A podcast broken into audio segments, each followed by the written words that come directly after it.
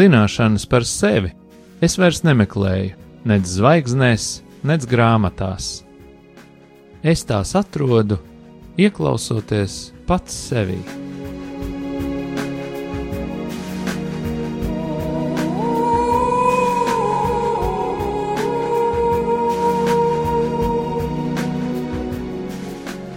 Raidījums Mīlestības terapija. Top mīlestības mājai, sadarbojoties ar profesionālo pastorālās konsultēšanas asociāciju. Sarunas par sevi, dzīvi, psiholoģiju un dvēseles terapiju.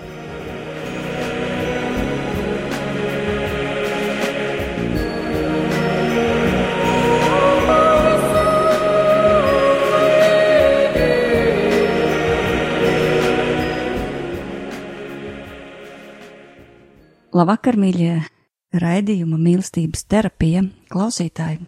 Šajā vakarā atkal esam kopā ar jums, lai turpinātu sarunu par dzīvi, par attiecībām, par cilvēkiem. Un šovakar mēs gribam parunāt ar jums par vīrieti blakus sievietes negatīvismam.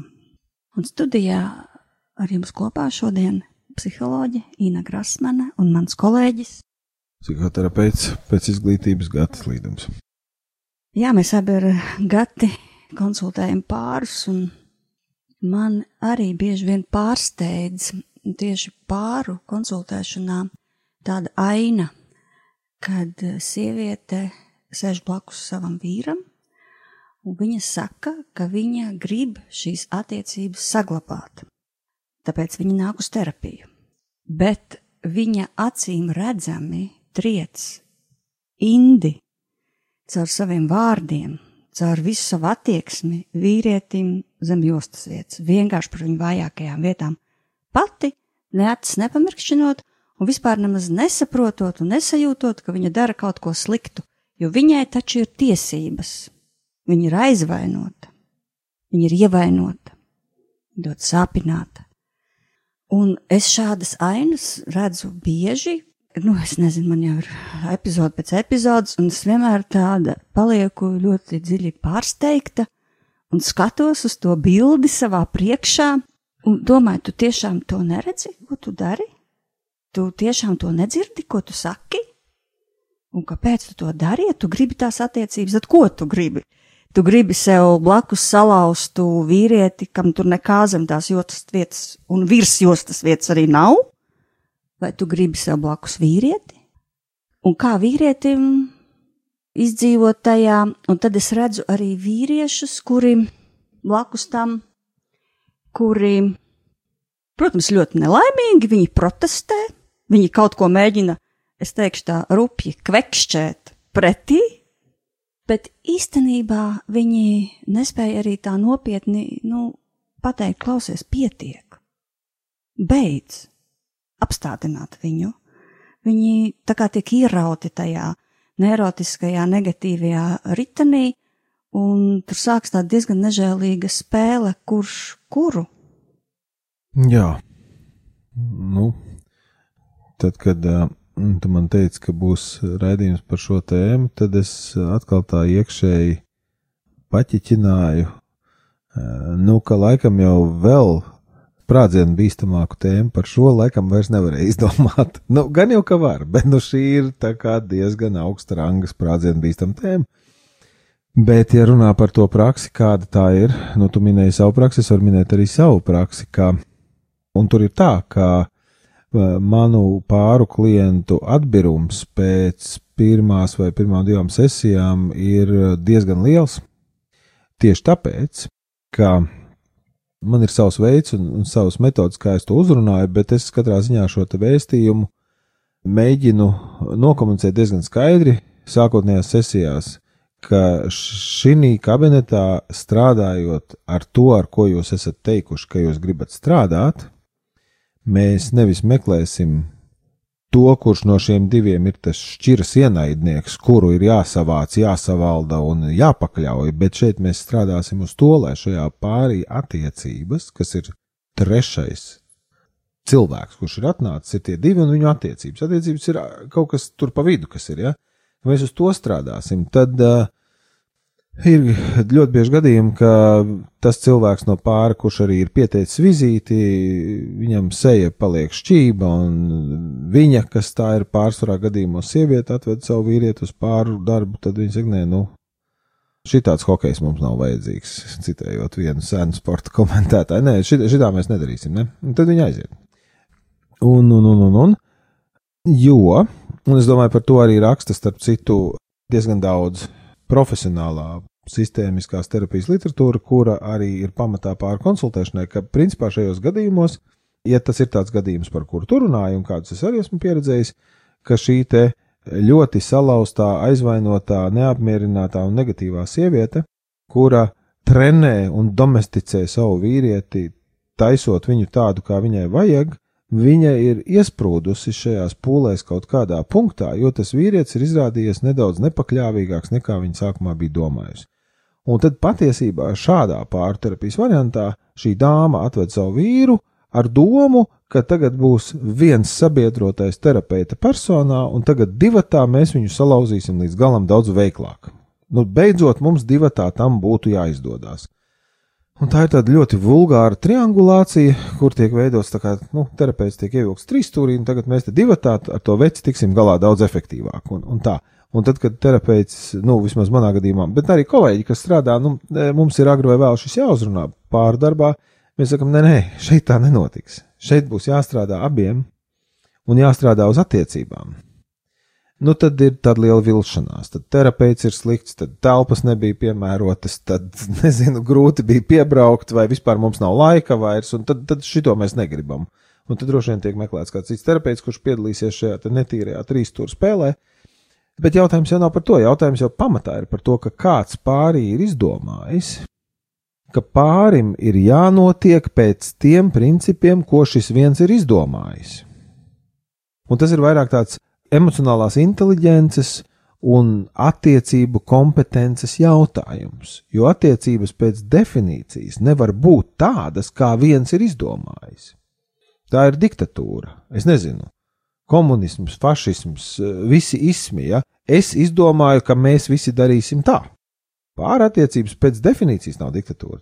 Labākajā gadījumā tas ir kompromiss ka mēs gribam viens tā, otru šitā, bet mēs izdomājam, kā mēs darīsim, lai attiecības no tā iegūst. Un, eh, nu jā, tā tad vienmēr tas nav par to, kurš vinnēs. Tas ir par to, lai mūsu komanda vinnē. Un, lai mūsu komanda vinnētu, mums ir ļoti prasmīgi uz laukuma jāsaspēlējās, jādod piespēles, jābloķē pretinieku metieni, kas ir ārpus mūsu pāri. Un tad mēs vinnēsim. Ja? Un tad, ja pāris to saprot, tad arī tā, nu, kā tu pieteici, ja tā tur čīkstošā un neapmierinātā sieviete, ja viņa nu, šo saprot, tad, protams, tur vēl jautājums, kā tad viņa kļuva čīkstīga, jo iespējams viņa tāda nemaz nebija. Tur kaut kas ir noticis, bet nu, tas ir cits stāsts, mums tas būtu jānoskaidro. Bet, ja mēs spējam to pārim kā klientam iedot, tad tajā brīdī sākās komandas darbs. Nu, es kādreiz lietoju šo piemēru. Nu, labi, es pats neesmu futbola līdzjutējs, man futbols kā sports īstenībā ļoti nepatīk. Bet tad, kad pasaulē iestājās tas futbola trakums, ka tur ir pasaules čempionāts, tad man liekas, tur visi skatās. Nu, es arī esmu spiests to redzēt kādā brīdī, kad es kaut kur esmu, kur cilvēks skatās, un, un tad es to esmu redzējis. Un tāpēc, varbūt izmantošu tādu futbola analoģiju. Ja vienu kaut kādu, es nezinu, B kategorijas komandu, kas ir laba komanda, labi iespēlēta, viņi zina savus taktikas un stratēģijas, ja viņiem izlaistu pretī vienu futbola komandu, kurā visi 11 spēlētāji būtu Ronaldo. Kā tu domā, kur komanda vinnētu? Nu, tieši tā, B kategorijas komanda. Jo visi Ronaldo stāvētu pie pretinieku vārtiem un gaidītu piespēli, lai viņi var iesist savu kārtējo golu. Un tā daudz zemākā līmeņa komanda vinnētu tās 11 zvaigznes, kuras katra spēlē pa sevi.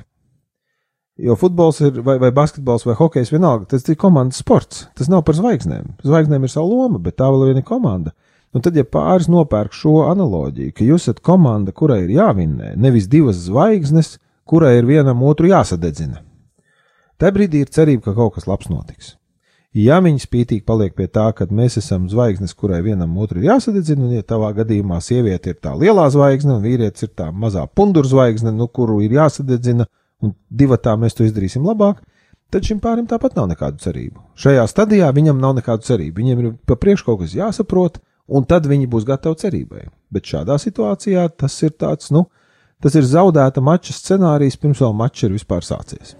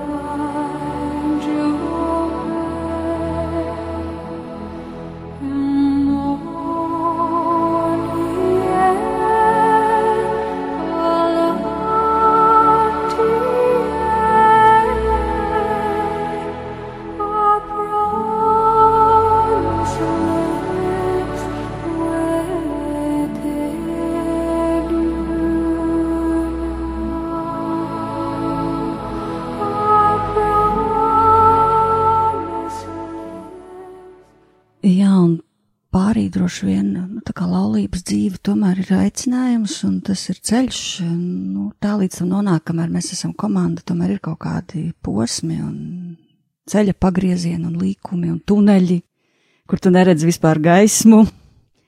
Un patiesībā pa komandu mēs kļūstam, ka mēs esam bijuši tajā tunelī un esam iznākuši gaismā. Tad uh, ir tādi brīži, man liekas, laulībā, kad uh, sasitās tās sāpes, par kurām mēs varbūt mums nezinām, un tas notiek netīšām. Tas nav tā, ka sieviete ir nolēmusi iznīcināt vīrieti, un tas nav tā, ka vīrietis ir nolēmis tagad nu noteikti nodarīt pāri kaut ko savai sievietei, kuru viņš mīl. Tur tas notiek. Vienkārši, nu, kaut kāda tā kā, es nezinu, arī, ka zāģim tās cirkstelītes tur iet pa gaisu, ja, kad vienkārši notiek tāda pieskaršanās, un tur tās brūces viņas vienkārši izsprākst, un, un nevar saprast, un varbūt tādas situācijas, kad eh, cilvēki ir iesprostoti tādā pat sāpju cietumā, viņi ir nelaimīgi, un viņi abi ir nelaimīgi.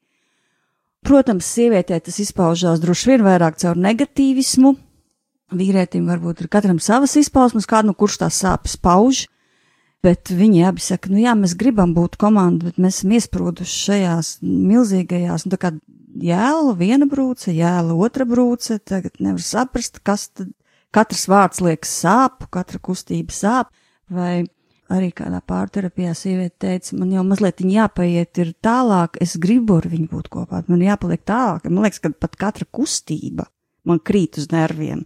Es saprotu, ka es to negribu, bet es netieku tagad no šitā punkta uz to citu punktu, jā, jo tur pa vidu ir ārkārtīgi daudz eh, sāpju, brūču, ievainojumu, un es nemaz nevarēju iedomāties, ka es esmu tik slims, vai ka es esmu tik slima. Man pat prātā tas nevarēja, es taču līdz šim dzīvoju normālu dzīvi, un tagad mēs esam kopā, un mēs vienkārši padarām viens otru slimu, ko mums darīt. Nu, paldies, Inna, ka tu šo uzrunāji, jo es jau sākumā runāju, domāju, ka varbūt par šo būtu kaut ko jāpiemina, un tu to tik skaisti pateici. Tieši tā, vēl viens diezgan biežs iznākums no pāru terapijas sesijām ir tieši šāds. Kad pastrādājot kaut kādu brīdi, nu, brīži ir ļoti individuāli, tās var būt trīs reizes vai sešas reizes, nu, nedaudz reizes. atklājās, ka abi šie pāri dalībnieki ir tik brūčaini, čūlaini, jēli, sadauzīti un salauzīti, pirms vēl šis pāris iesākās. Ka principā tas, kas viņiem ar steigu ir jādara, viņiem ir jāiet kaut kādā individuālā terapijā, un šīs brūces ir jāizdziedē, jo pretējā gadījumā viņi vienkārši viens otru emocionāli nogalinās ilgtermiņā. Un tad, ja viņi to saprot, un arī spēj un var, lūk, tad tur parādās cerība. Jo šie te, es runāšu tā vienkārši, ka šie salauztie un, un, un brūčainie un čūlainie cilvēki, viņi ļoti bieži stājās pāri attiecībās vai izvēlās savu vīru vai sievu aiz pilnīgi nepareizajiem motīviem un iemesliem. Un tas galvenais, galvenā muļķīgā iedoma ir, ka es esmu slims un tagad es apprecēšu kādu, kurš man darīs veselu. Un ja vēl tam otram ir šī pat ideja, ka es arī esmu slims, bet es apprecēšu kādu, kurš man darīs veselu, tad mums ir divi smagi slimi cilvēki, kuri viens otru ir apprecējuši. Un tad viņi ir nevis divi, kuri taps veseli, bet tad viņi ir divi, kuri ir intensīvās terapijas palātā, bez apkalpojošā medicīniskā personāla. Un tā ir tā bilde, un tas, nu, tur ir ļoti grūti kaut ko izdarīt. Un tātad labos scenārijos parasti ir tā, ka pēc kāda brīža nu, mēs kopīgi ar, ar klientiem izrunājam, ka nu, izskatās, ka šīs lietas, kuras tie izpeldēja, nu nekādīgi nav saistītas ar tavu otru pusīti, taču no otras puses tā ir tagad ievilkta, un ko mēs lai ar šo darām? Nu, tad vienīgais, ko mēs tad, tad varam izdarīt, ir vienkārši sarunāt kaut kādus tādus pārejas laika noteikumus, kur ir sāpīgās zonas, kur vajadzētu varbūt neiet iekšā, kamēr tas otrs individuālā terapijā kaut ko dara. Un, nu, diemžēl dzīve ir tāda, kā ir, un, un terapija ir smags darbs, un tas ir ļoti nopietns arī pakalpojums no profesionāļa puses, un tas kaut ko maksā. Un cilvēkiem ir naudas tik, cik ir, un tad viņi bieži vien vairāk investē, es nezinu, jaunā jumta segumā nekā savās attiecībās. Tāda ir dzīves realitāte. Bet ideālā variantā, kāda man ir bijuši kādi trīs, varbūt 20 gadu laikā, kur cilvēki bija pietiekami turīgi, un arī viņiem bija pietiekami daudz brīva laika, uh, tad viņi izdarīja to labāko, ko var šādā gadījumā darīt. Viņi turpināja pāru konsultācijas, runājot par robežām, par atbildības sfērām, par to, kā viens otram muļķīgi nedarīt pāri, un paralēli katrs sāk iet savā individuālajā terapijā. Tas ir ideālais scenārijs. Mēs katrs aizējām pie sava terapeita vienreiz nedēļā, vai, nu, attiecīgi, kā tur ir tas kontrakts, jā, un tad mēs ejam pie pārterapeita. Un tad, lūk, tas uzlabojums ir ļoti strauji. Bet te ir, nu, atkal, tā kā es teicu, tā ir ļoti liela laika investīcija, un tur ir arī jāinvestē ļoti daudz līdzekļu. Daudziem cilvēkiem tas nav iespējams, ne laika, ne līdzekļu ziņā. Tad mēs mēģinām izdarīt to, ko mēs varam. Bet nu, tas neatceļ principu, ka mēs zinām, kā būt vislabāk savā darbā. Ja? Es domāju, ka tev līdzīgi. Vai arī tev nav līdzīgi?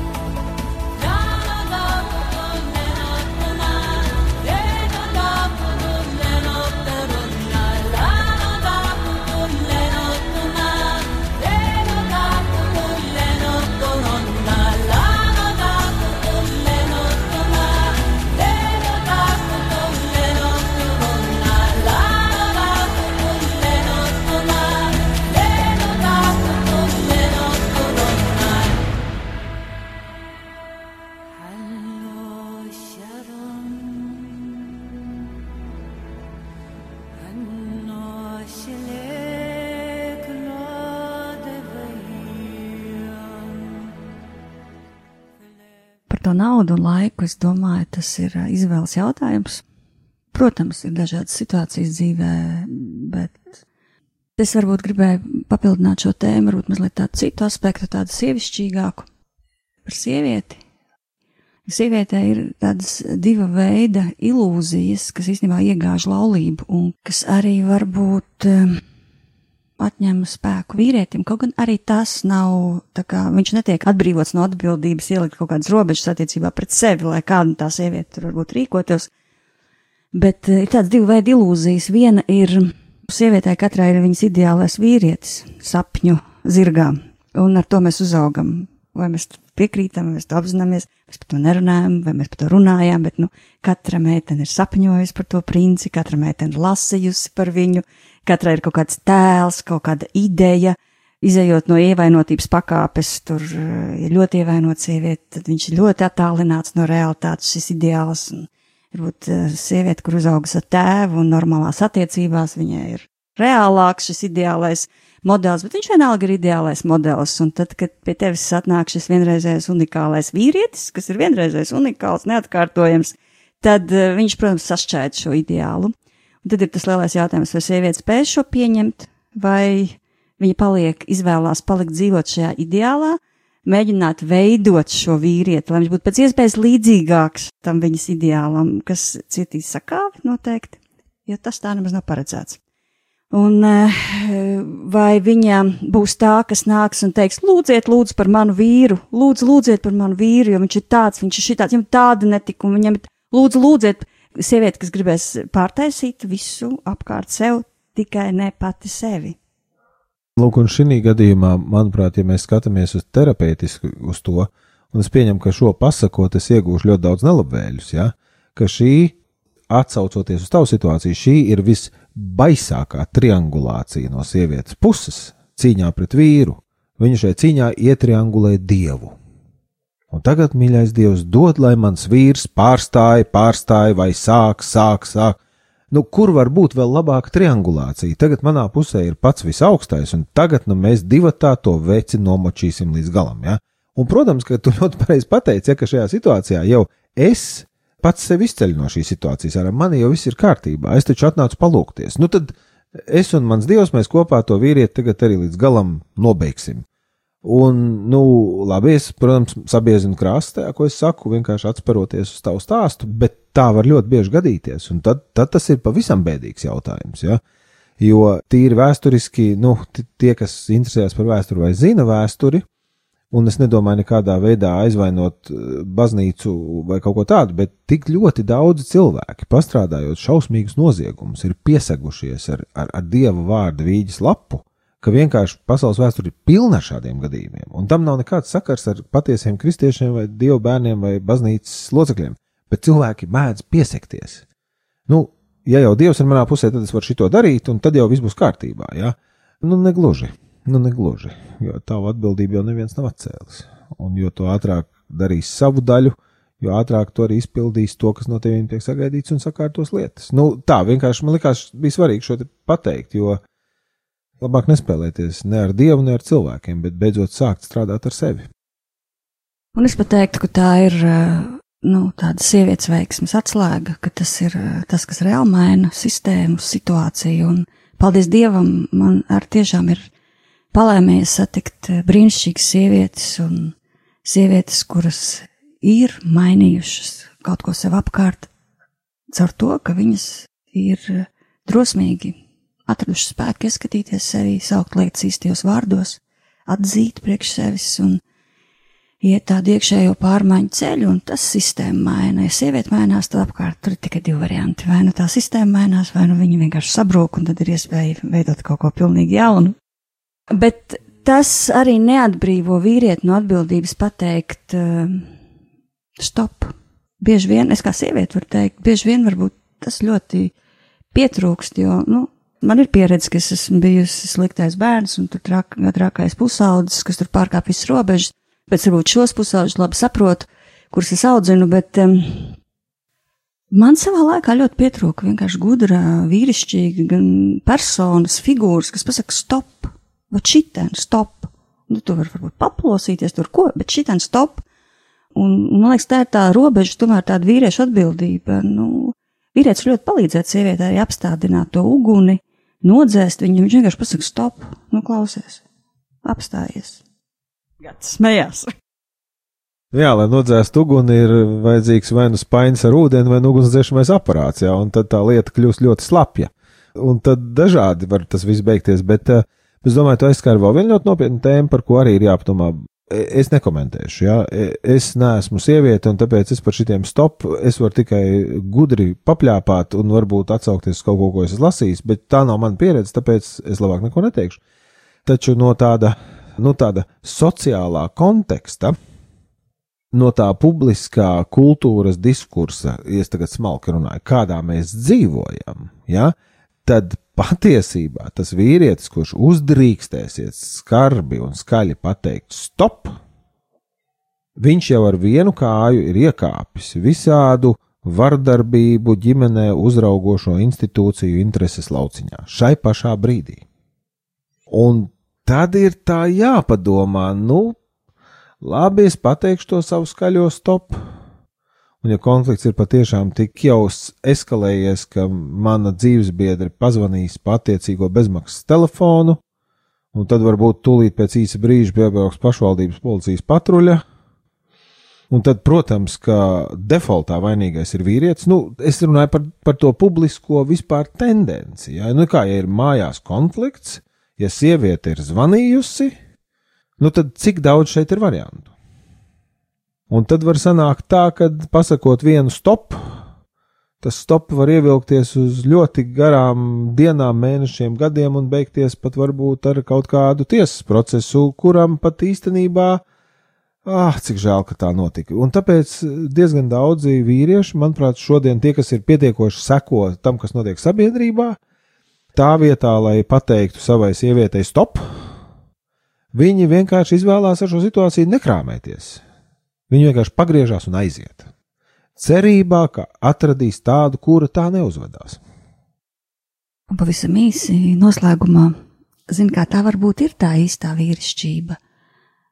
Kā pateikt stop? Tas ir tāpat, tā arī ir tā īstā sievišķība, kā pateikt, jo pateikt jau var visu.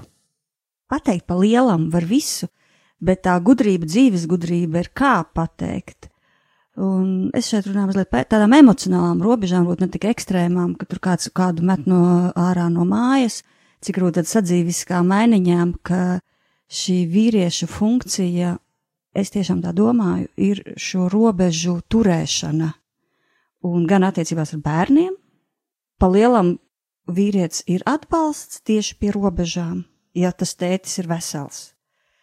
Un eh, arī attiecībā uz emocijām. Nu, ja viņš ir vesels, tad viņam vajadzētu turēt stūri savās rokās. Viņš ir kapteinis. Un tad eh, sievietē rodas dabiska vēlme sekot un cienīt, jo viņa var uzticēties. Viņš tur stūri savās rokās. Viņš šitai te jūrai izvedīs mūs cauri, un tur rodās atkal tāds cits sava veida kontakts. Un tas var būt par vīrišķību un sievišķību un par sievietes emocijām, kurām varbūt viņa nevar savaldīt, ja tās nav, tas nav ļoti ekstrēmi, un par vīriešu spēku, ja tas nav vardarbīgs, kuru viņš var lietot, turot savu kapteiņa stūri stingri rokās un palīdzot visiem pieaugt. Bet tagad, kā vienmēr, sagatavosim savus sirdis lūkšanai par kapteiņiem.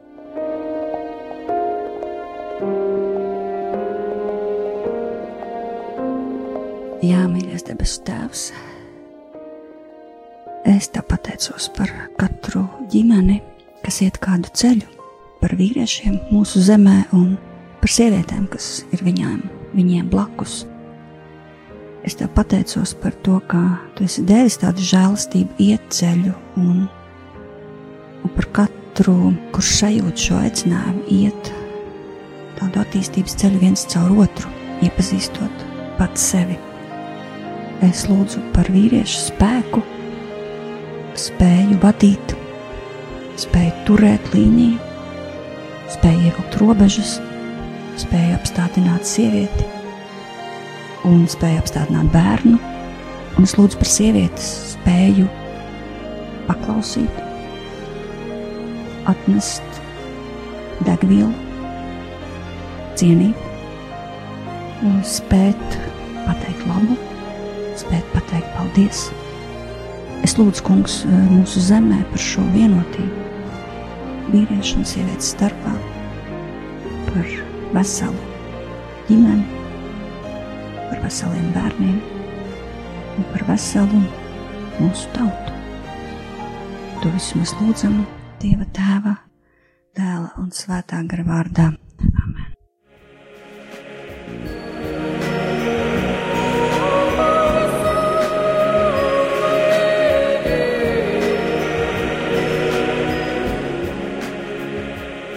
Jūs klausījāties raidījumu mīlestības terapija.